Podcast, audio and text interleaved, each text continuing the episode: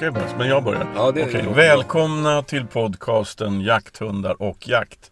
Vi tar tacksamt emot frågor till podden eh, som helst bör skickas via mail, e-post till, till adressen jakthundarojakt@gmail.com. Men ni kan Jag titta på har bilder. också fått, ja, men jag kommer till dit. Jag har också fått tips om att prata lite långsammare. Eh, för att jag babblar så snabbt så att eh, vissa saker ramlar ut eh, för fort eller är svåra att höra. Det problemet kan inte jag rätta till. Men om någon där ute, någon terapeut eller liknande har något sorts tips om hur fan får man Ekeström att prata lite långsammare utan att hämma honom eller knäcka honom eller se till att han jagar sämre. Nu får du prata. Ja, och jag tror att den terapeuten kanske kan jobba med oss båda. eh, men vi har ju faktiskt fått ett tips om att det kan gå lite fort. Vi är sådana jag och Peter. Det är mycket som går lite fort. Vi, ni får väl, på de flesta sådana här uppspelningsanordningar kan man välja hastighet. Ni får sätta den på halv hastighet helt enkelt. Ja, nej, men alltså, vi, alltså grejen är att man går ju loss. Det är kul det här att sitta och babbla i en mikrofon så att man går loss helt enkelt. Eh, ni får ha, men du, alltså poddar kan man ju lyssna på om och om igen ju. Ja. Det är ett bra tips. Om det går för fort, lyssna en gång till. Och sen så kan ni göra så här att ni kan gå in på vårt Instagramkonto och titta på bilder. Det kan ni göra i er egen takt. Du är ett geni Lindevall. Du är ett geni Lindevall. Nu tar vi Eh, frågor. Är det därför vi startar Instagramkontot? Ja, jag tror det. Då känns det För att det går långsamt där? Ja, man får scrolla så fort man vill. eller liksom en slags Ja, kompensation? det, är, Ja, jag tycker det är begåvat. bra. Ska vi sluta snacka skit och, och svara på frågor nu? Vi gör det. Vi har väldigt mycket frågor igen. Eh, och vi börjar med en ADB. Som är fyra år. Och den här tiken har blivit väldigt osäker för andra hundar. Enligt eh, husse Micke så har hon vid ett, eh, flera tillfällen blivit attackerad av lösa hundar när hon har gått i koppel. Det har väl gått bra men, men han upplever då att hon har blivit väldigt osäker i sin relation med andra hundar efter de här incidenterna. Och det är så illa så att eh, när hon jagar så bryter hon jakten om det är någon annan hund som jagar i närheten. Mm. Typisk Peter Ekeström-fråga. Ja, men eh, ja, hon är osäker alltså. Ja. Är, eh, ja, men alltså jag tänker um, Ehm, Vänj den här ADBn vid att du skyddar hunden hela tiden. Gå in emellan, gå in framför. Vänd dig inte mot henne utan vänd rumpan, ha ryggen mot henne så att hon inte känner mental press och allt det där. I alla mötessituationer och alla möjliga situationer. Om hon visar oro inför en annan människa eller en rotvälta eller vad fan som helst när man är ute och går så gå in, kliv bara in framför med ryggen mot hunden. Ehm, så, så, så att hunden känner att jag slipper ta den här smällen själv. Det är nummer ett. Nummer två är att jag tror faktiskt att man åtminstone lite grann kan öka en hunds självkänsla genom att ge den uppgifter som den inte tror att den klarar av men som man hjälper den att klara. Eh, gamla klassiken liksom, eh, lägg en bräda mellan två bockar liksom, och, och hunden ska lära sig gå på den. Första gången så kommer hunden att välta och ramla ner och pipa och det går inte. Men, men eh, man stöttar den genom den tills den kan springa fram och tillbaka på den här brädan. Då, då har hunden ko- kommit över en svårighet. Den har tagit sig igenom oro. Um, alla möjliga olika typer av utmaningar då. Att, att den själv hittar sitt käk i skogen eller vad du vill. Alltså. Att den löser uppgifter själv. Men min, min erfarenhet jag hade haft någon alpländische dashbracke själv men jag har jobbat ganska mycket med den rasen. Eh, och en, en, en, en ADB som är så pass orolig som han beskriver det tror jag är alltså på gränsen till um, nedärvt eller vad man ska säga. Alltså det, det, det är en personlighet helt enkelt. Alltså, då, då kommer vi osökt in på, på slutfrågan här. För eh, Husse hade väl lite funderingar på att ta en kull efter Molly som hunden heter. Men, eh, och undrar lite grann vad vi tycker om det. Och jag, i det avseendet är jag nog eh, inne på din linje Peter. Ja, det här känns som en hund som är så pass osäker så att jag skulle nog inte eh, rekommendera avel på den. För det där är ju en ärftlig, finns ju en ärftlighet i det där. Mentaliteten helt enkelt. Så sen, jag jag kom på nummer tre Peter som, som jag tror att jag har lärt mig av dig. Annars så får du väl säga emot. Och det är att, det här vet ju inte jag eh, mycket om det är så. Men, men jag vet ju att hundar är extremt duktiga på att läsa signaler. Så att fundera lite grann på hur du själv agerar när du är ute och går med Molly i koppel och möter andra hundar. Eh, börjar du streta och dra i kopplet och skicka signaler den vägen eller för att hon läser dig. Så att, så att eh, det, det kan vara ett sånt här litet tips. En, en, Som Peter brukar säga, ändrar man sitt eget beteende så brukar hundar ändra sitt. Ja, framförallt om hunden är så pass mjuk och, och som den här är då uppenbarligen. Eh, men eh, när det gäller hund, får jag prata lite om hundsignaler? Ja, varsågod. Okej. Det är ditt expertområde. En spänd muskel, det signalerar hot eller oro. Okej? En avsl- Hundspråk är så jävla skönt för det är så logiskt. En avslappnad muskel signalerar motsatsen, det vill säga en lugnande signal. Jättemånga människor som har problem med hundmöten med sin hund, eh, när de ser att ett möte är på gång, då spänner de sig. Alltså de spänner sig och de blir lite oroliga och tycker att jaha, nu börjar skiten igen.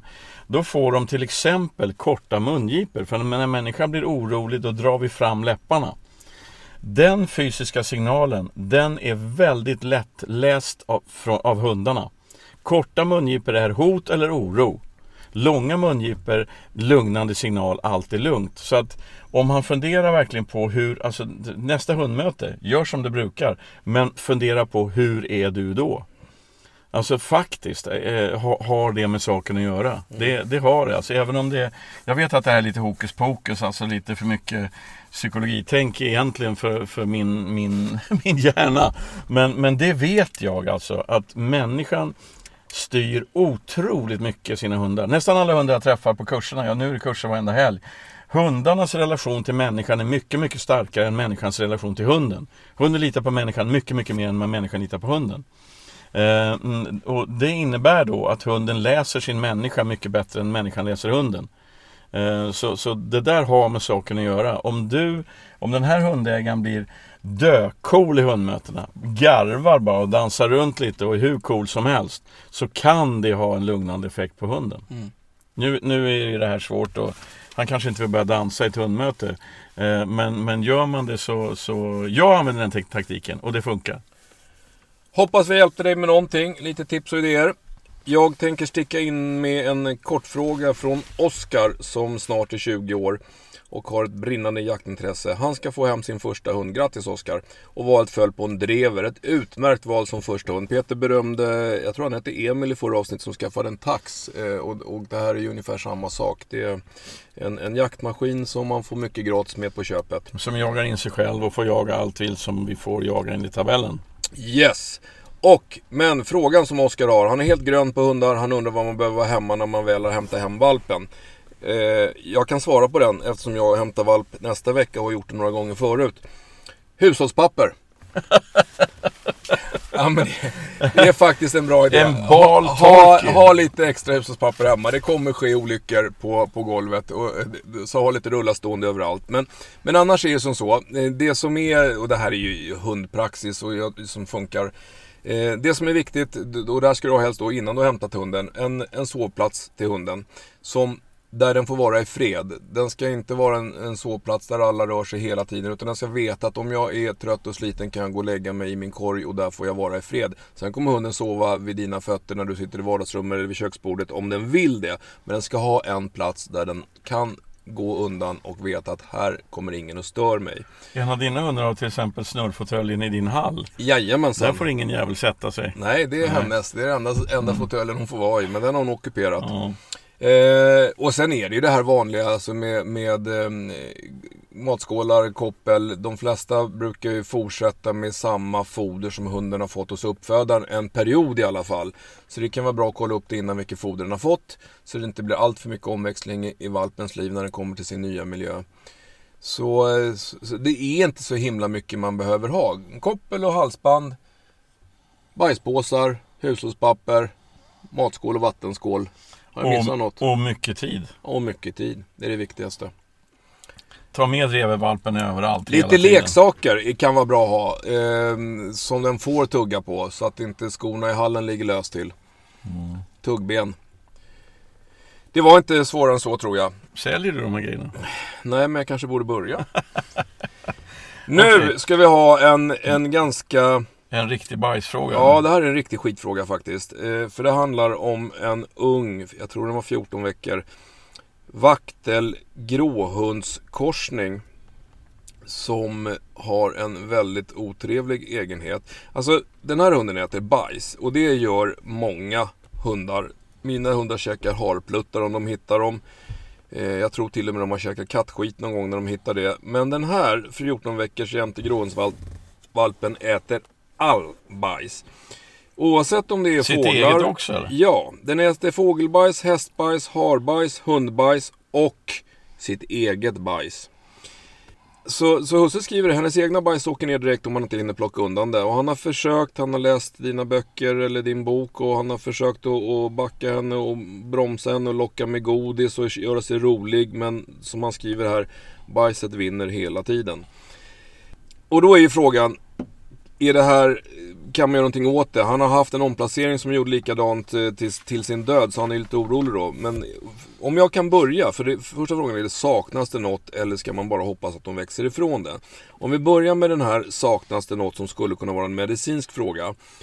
Jag vet inte, jag tror inte det. Eh, men, men såna allmänna råd Men du, det var ju mer. Var det inte så att, eh, jag för mig att, att hunden vaknar mitt i natten Och är och är hungrig, hungrig? ja. Precis. Hon, alltså, hon, är, hon har en galen hunger och de överdoserar hennes mat lite då och då.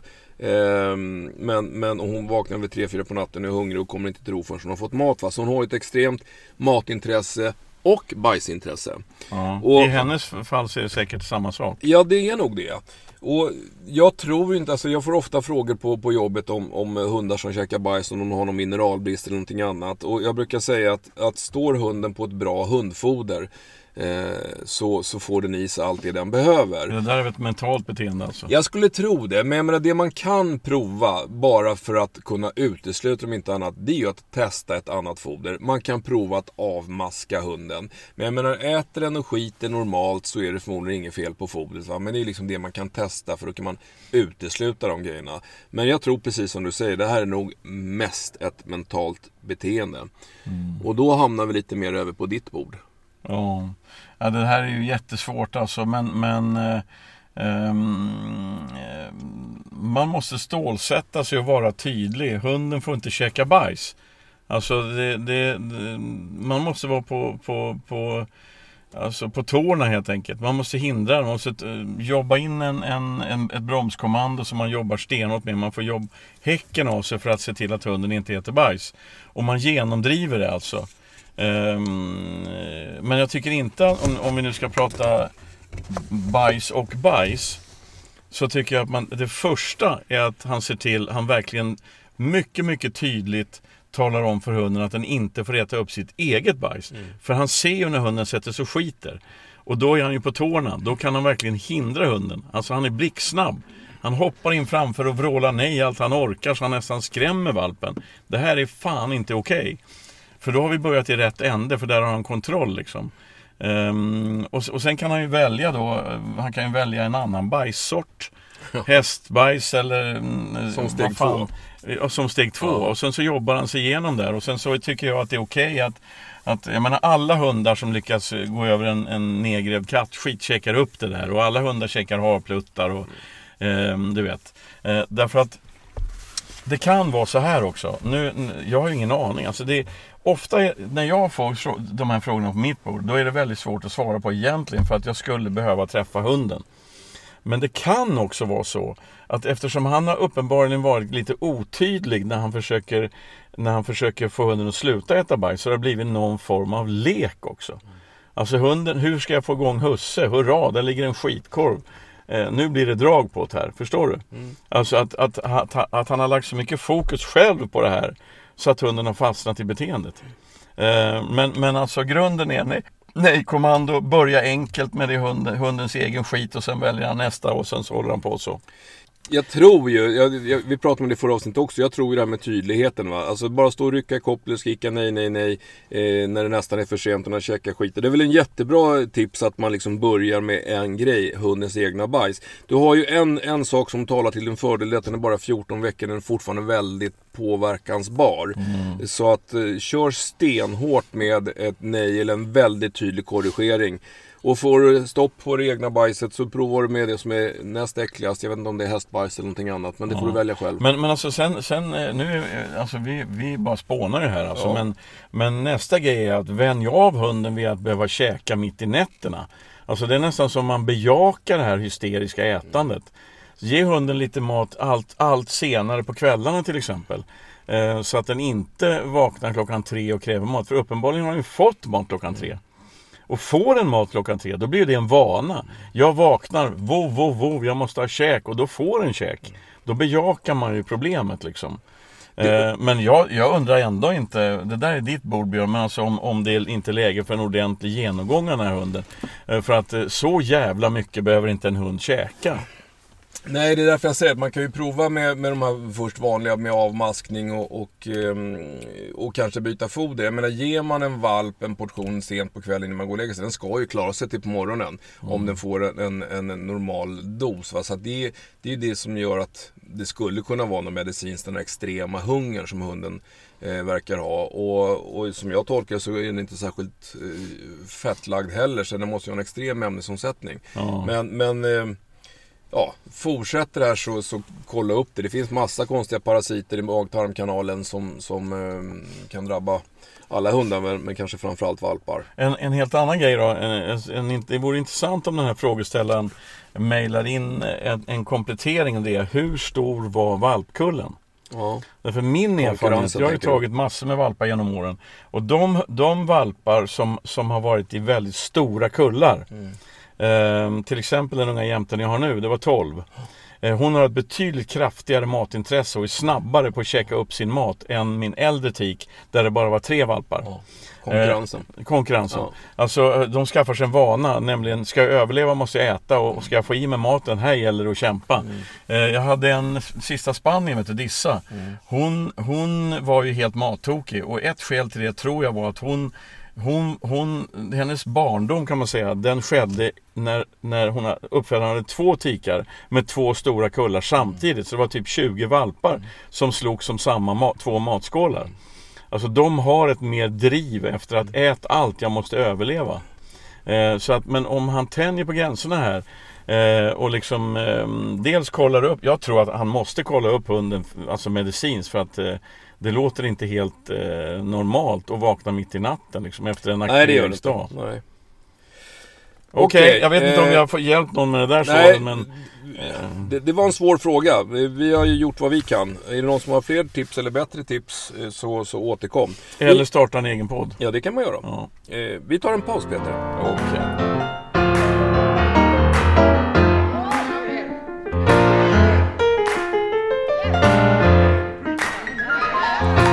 Back in business. Vi har fått en fråga ifrån Jessica. Vänta, vänta, jag måste bara... Jag måste för fan... Fan, fick du den att funka igen? Ja visst, sådär ja. Nu, har jag knäppt av mig. Nu kör vi. Bra, nu kör vi. Eh, Jessica hon, hon har uttryckt sig väldigt eh, bra för våran del. Hon vill att vi ska resonera kring hennes frågeställning. Det- Perfekt, det- babbel. Skönt. Hennes frågeställning är helt enkelt. Jag vill höra era tankar kring tidig jakt, valpar som jagar för fullt, unghundar som tar pris på jaktprov. Många hyllar och pushar hundarna att jaga tidigt kontra riskerna med det här. Att hunden går för hårt innan den är mogen i kropp och knopp, risker för skador på en växande hund, att den inte är mogen psykiskt, lungödem och så vidare.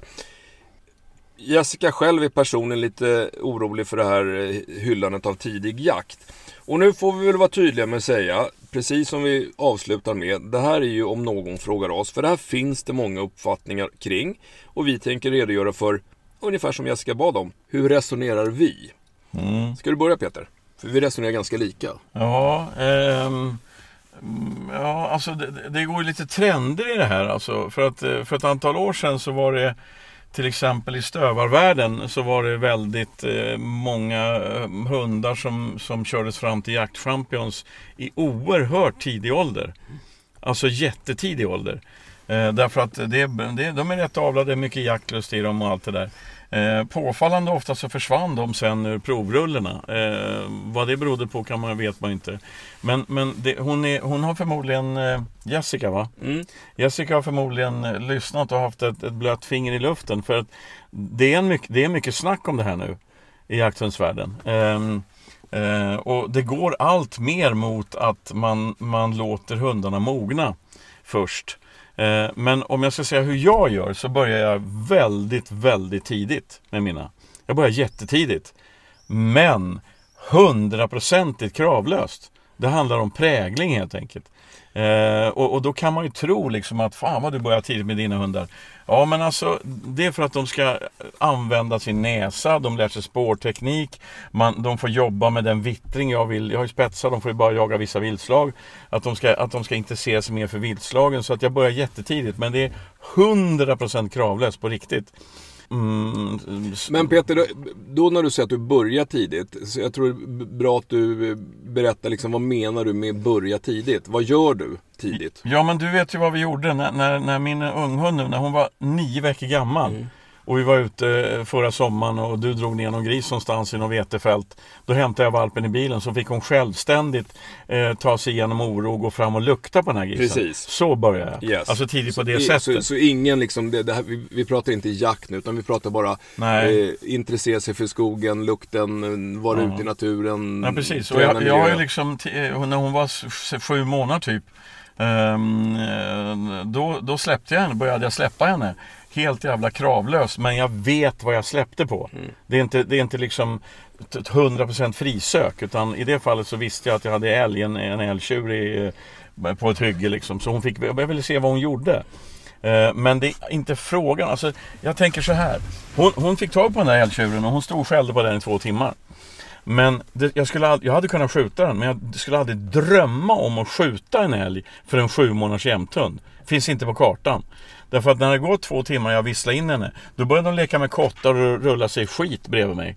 Hon visste inte riktigt vad hon gjorde utan det var arvet som, som eh, jobbade. Och jag gjorde det där för jag, jag, jag är så otålig. Jag vill se vad finns det i min valp? Vad finns det i hunden? Men, men jag återkommer till det. Höga förväntningar kan man ha, men man ska fan inte ha krav på hunden. Och min storjämten jag har, Orka, som vi jagar mycket med. Jag kan ju faktiskt säga att hon är rätt duktig på sitt jobb. Det var ingen jävel som visste förrän hon var två och ett halvt år gammal. Mm. Därför jag hade noll krav på henne tills jag verkligen såg att nu är hon färdig i huvudet. Och så att när hon var tre år, då visste jag vad fan jag hade i snöret. Mm. Det här kan bli bra.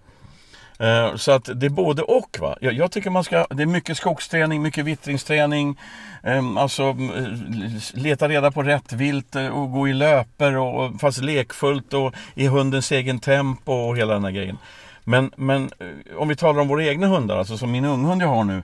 Hon har ju fruktansvärt mycket jakt i sig. Men samtidigt kan jag ju titta på henne och se, hon är ju för fan som en, som, ibland är hon ju som en 12 veckors valp fast hon har blivit 12 månader.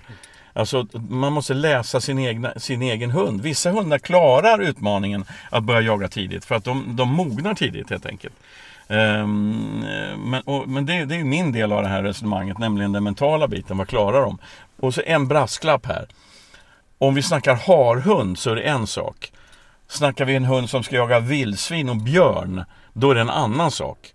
För att jaktlusten kommer driva en ung hund som ska jaga ett farligt, potentiellt farligt vilt. Den älskar det här och skäller som fan. Men om det händer någonting som skrämmer hunden tidigt, eh, innan hunden är mentalt förberedd på vad som kan komma, då kan den hunden bli grisren. Och gamla Spanien hade Dissa var ju ett sånt exempel. När hon var 15 månader eh, så sköts det ett vildsvin för henne. Hon jagade vildsvin åt kopiöst när hon var 15 månader. Det sköts ett vildsvin då. Eh, vildsvinet ramlade på platsen och började sparka som de gör när de håller på att dö. Då kastade hon sig fram och fick en klöv rätt i pannan. Alltså hon, hon, hon, jagade inte vildsvin lika bra under en enda gång resten av sitt liv efter det. För att det var en vek spaniel som skapar, skapar minnesbilder snabbt och det är risken man, det är risken man tar alltså mentalt. Mm. Eh, så att höga förväntningar med låga krav. Nu är det din grej här. Ja. Fysiskt, medicinskt och på andra sätt. Då kommer den här tråkiga veterinären då och bromsar Peter lite i sin... Nej, det gör jag inte. Därför att jag vet att när Peter släpper Lita, eller släppte eh, unghunden när hon var sju månader och hon, hon eh, ställer en älg. Då vet jag att Peter kan göra det därför att barkar där iväg så får, kan han få av henne ifrån det. Därför att där kommer ju mina små veterinäråsikter då. Att jag har sagt det tidigare och jag håller fast vid det. Man ska inte anstränga en eh, växande hund mer än den klarar av. Och det är ju en jätteflummig formulering, mer än vad, vad den klarar av. Men vad jag menar är att en, har man en, en jakttokig hund eh, som får, eh, har kommit på att det här med att jaga älg eller, eller hare eller vad sjutton som helst och släpper den och den drar iväg. Det kan ju liksom bli då kommer hjärnan styra mer än vad kroppen. Den kommer, jaktlusten, jaktlusten driver. driver. Och kanske driver den bra mycket mer än, än vad den fysiskt egentligen klarar av. Eh, så, och, så, så, att då ska man ha bra koll på sin hund så man får säga att nu har den hållit på så pass länge eller sprungit så pass långt. Nu får det vara bra. För att en, en växande hund ska man inte belasta Alltså man ska aldrig tvångsbelasta den och det, det är inget tvång att den jagar men den tvångsbelastar sig själv om man uttrycker sig så. Va? Man ska aldrig bestämma sig för att man har en femmånadersvalp vi ska ut och springa milen. Om valpen är trött efter fem kilometer, ja då är det stopp där. Så, mm. att, så att det är ju det som, som är eh, det fysiska. Sen det här med, med lungödem och sånt, där finns det faktiskt ingen forskning som, som eh, tyder på att eh, man har större risk att utveckla lungödem när man är när, om man börjar jaga tidigt. Utan det där verkar mer vara rasbundet. Vi vet ju att drevrarna är överrepresenterade. Men, men eh, huruvida alla de drevrar jag haft med lungödem har jagat tidigt, det vet jag faktiskt inte. Men jag tror inte att det finns någon, någon medicinsk koppling däremellan. Men så, så det är ju det fysiska. Överbelasta inte hunden förrän den har vuxit färdigt. Kanske någonstans runt ett års ålder eller lite mer om det är jämte. Och sen det som Peter varit inne på, som Jessica skriver, mogen i kropp och knopp. Ja, ska man jaga vildsvin eller björn, alltså det, det, det är en, en mental påfrestning att göra det. Och det ser vi på våra hundar som är ganska rutinerade. De kan stå och skälla bra länge på en stor galt, men sen så ser det ut som de bryter. Men då tar de ett litet varv på kanske 50 meter ventilerar hjärnan lite grann, eh, andas några andetag och, och, och får tillbaks fokus och koncentration. Sen går den tillbaka. Men, men en, en ung hund som inte har den rutinen och den erfarenheten riskerar naturligtvis att få få, eh, antingen som Peter sa, bli skrämd för att det händer någonting eller inte eller mentalt klara av den belastning som det är. Så att, eh, Men jag tror också alltså att det finns, det finns ju massa komplikationer i det här. Om du, har, om du har en hund där det finns skärpa i, alltså förmågan att bli förbannad. Ja. När hunden blir trött, eh, då kan den ju bli tjurig helt enkelt. Eh, och är det då så att den har, har, eh, under många timmars jakt tröttat ut till exempel ett ungt vildsvin.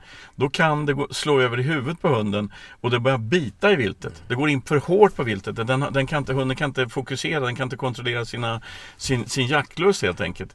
Ehm, det tror jag är ett skäl till att vi har ett antal hundar som jagar just vildsvin eh, som är alldeles för hårda på viltet. Att man har jagat in dem för tidigt helt enkelt.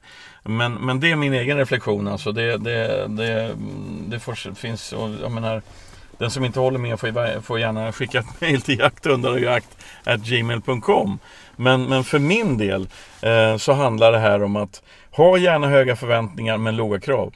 Det finns ingen direkt undersökning på det här men min erfarenhet när det gäller, jag har haft ett antal ras, olika raser och jagat med allihop. Och jag har jobbat otroligt mycket med hundar genom de senaste 20 åren i alla fall, alltså heltid kan man säga.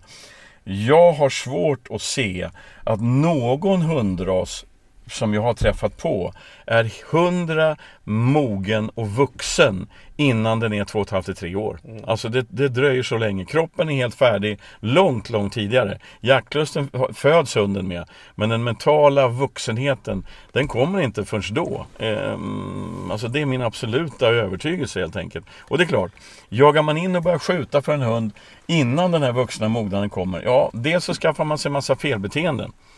Alltså hunden kan få taskiga sök, för stora sök, för långt förföljande, för kort förföljande. Därför att hunden inte liksom kan sortera vad som händer. Det tror jag är grejen. Innan hunden är mogen kan den inte sortera allt som händer när den börjar bli trött. Nu fick Jessica precis som hon ville. Nu har vi resonerat massor kring det här. Men om vi ska försöka koka ihop det här till, till så, ja, alltså vi har väl ungefär samma resonemang som du. Vi, det här med tidig jakt som man pushar unghundar och det ska mm, jagas för fullt när man är valp och så vidare. Det tycker inte vi. Vi tycker att det är bra att man miljötränar, skogstränar, vittringstränar hunden i tidig ålder men utan några som helst krav. Och när det gäller den fysiska och mentala biten så tar det tid innan den är färdigväxt. fysiskt och ännu längre innan den är färdigväxt mentalt. Och innan dess så, så ska man vara försiktig. Annars så kan man bita sig i tummen. Punkt. Fint! Nu har vi någon som har läst en gammal klassiker om Pavlos hundar och han heter Viktor. Eh, han har skaffat en drever han också. Mm. Och eh, nu har han bestämt sig, som han har en drever så har han tänkt att nu jäklar ska det funka med inkallning. Och han erkänner att det har väl gått sådär med tidigare hundar. Och då funderar han lite grann på det här med Pavlos hundar. Alltså ni vet att man, man ger hunden en signal och så börjar den dregla när den vet att den ska få mat. Eh, nu har, har Viktor kört en visselpipa. Eh, varje gång de ska få mat så kör han visselpipan. Och där har det blivit en positiv signal och så kommer till och med sexåringen, stövaren, har lärt sig att man kommer när husse blåser visselpipan. För då händer det något kul, det vill säga man får käk. Nu har inte Viktor testat det här i skogen ännu eftersom det inte är säsong för att släppa hundar i skogen. Han undrar bara lite, eh, hans, hans fundering är, tror vi att hundarna kommer reagera lika positivt när de hör visselpipan i skogen och tänker på husse och hans gigantiska matskål? Ja, det tror jag att de gör till att börja med. Eh, så kommer de säkert göra. Men du får tänka ett steg till. Vad gör du när hunden kommer till dig? För du står nog inte där med någon gigantisk matskål. De kommer glatt på inkallningen eller på visselsignalen som du har tränat in. Men då måste det hända något, de måste få en belöning. Och då, det, du har ju din standard Peter, kör den du. Släpp den igen. Släpp den igen. Men, men alltså jag tänker så här va. Alltså, Pavlovs visselsignal och mat hemma är en sak. Eh, en visselsignal i skogen när hunden jagar är någonting helt annat. Så att steget är för långt. Ja, och det har jag också berört tidigare. Alltså man, man får ju tänka på det här. Va? När du visslar, när, om det här funkar nu med din drever så kommer jakt vara det absolut roligaste som finns.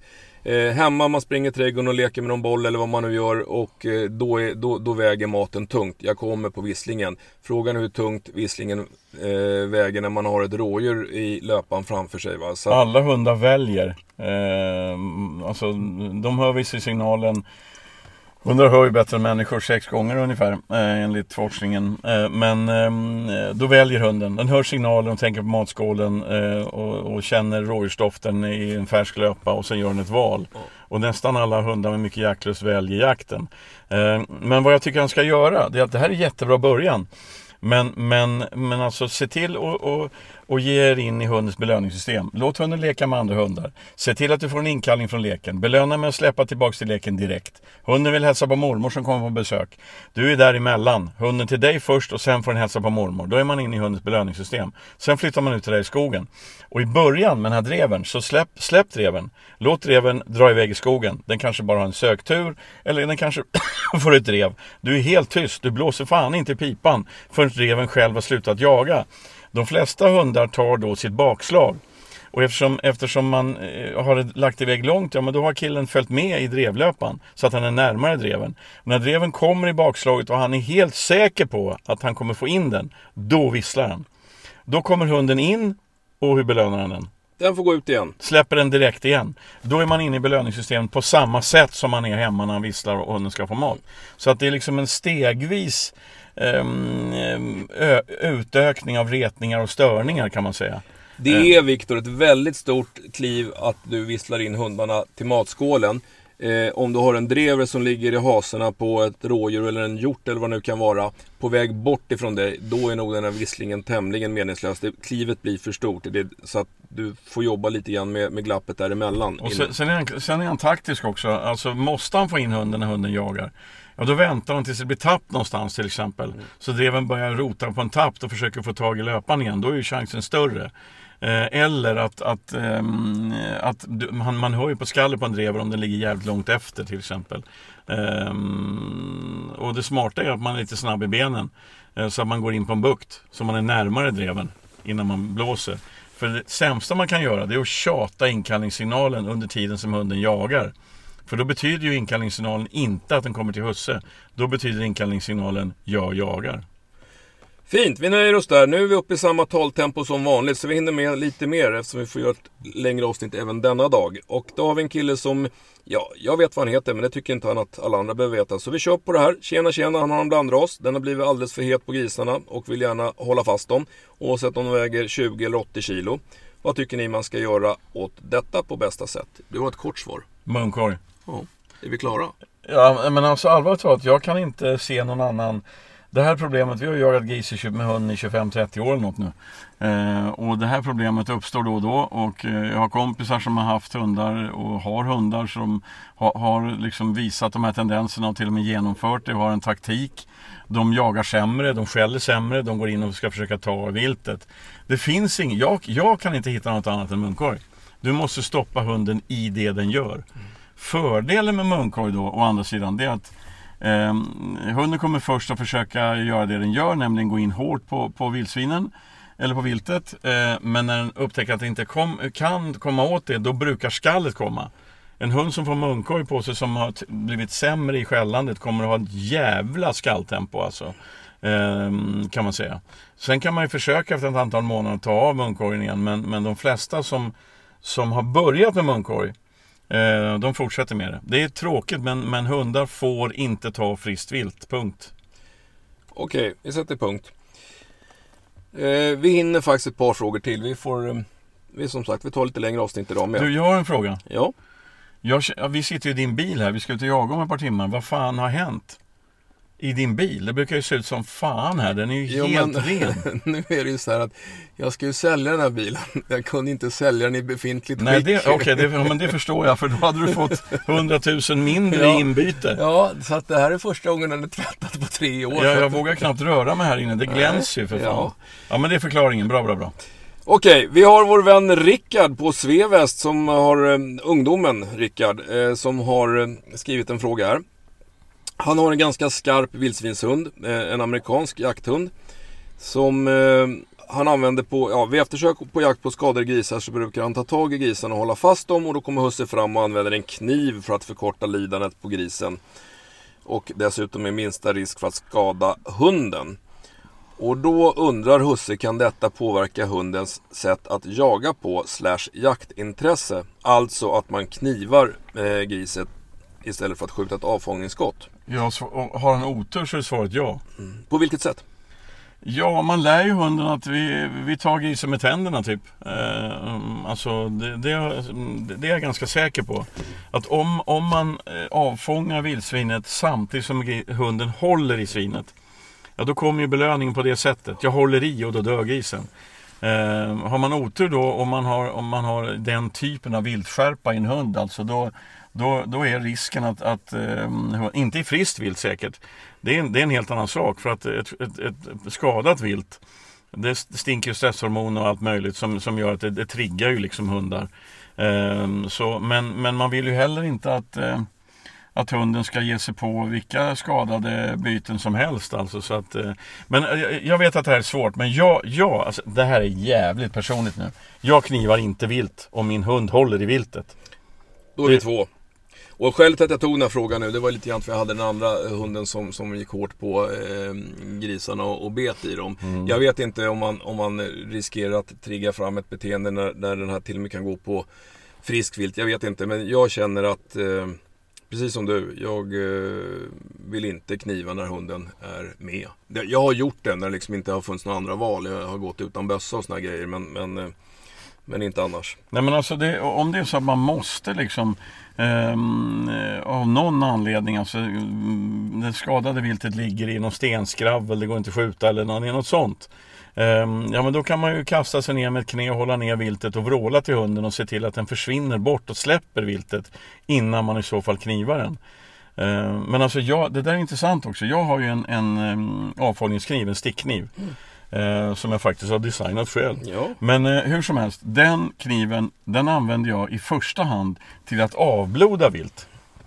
Alltså när jag skjutit vilt i huvudet eller i halsen eller något, det vill säga inte i lungpaketet. Så att det, då, då, då, då vill jag avbloda viltet. Köttet blir bättre. Alltså du, du måste tömma viltet på blod helt enkelt. Precis som slaktarna gör.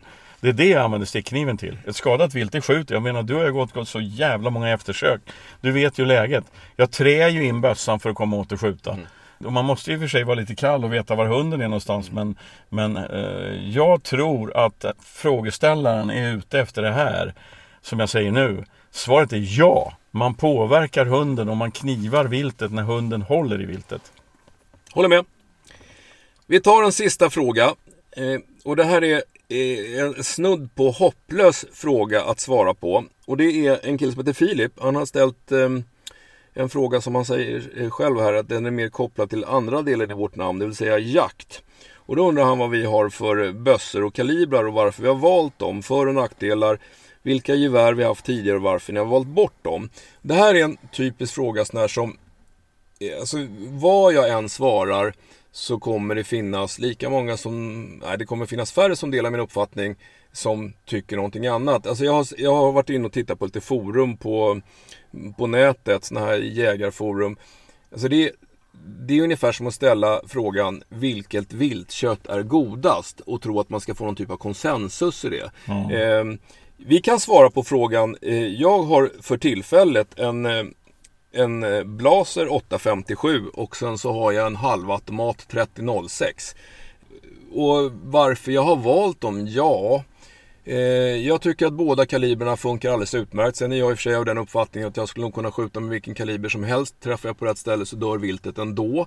Det är mer en fråga om kulor och, och köttförstöring och, och så vidare. Så att, så att eh, jag, jag trivs jättebra med de här bössorna eh, som jag har nu. Och eh, jag har betat av ett antal andra bössor tidigare också som har fungerat bra men de kanske inte har legat eh, bra mot axeln eller lite för lång kolv eller eh, någonting som har varit kärvat eller sånt där så har jag valt någonting nytt.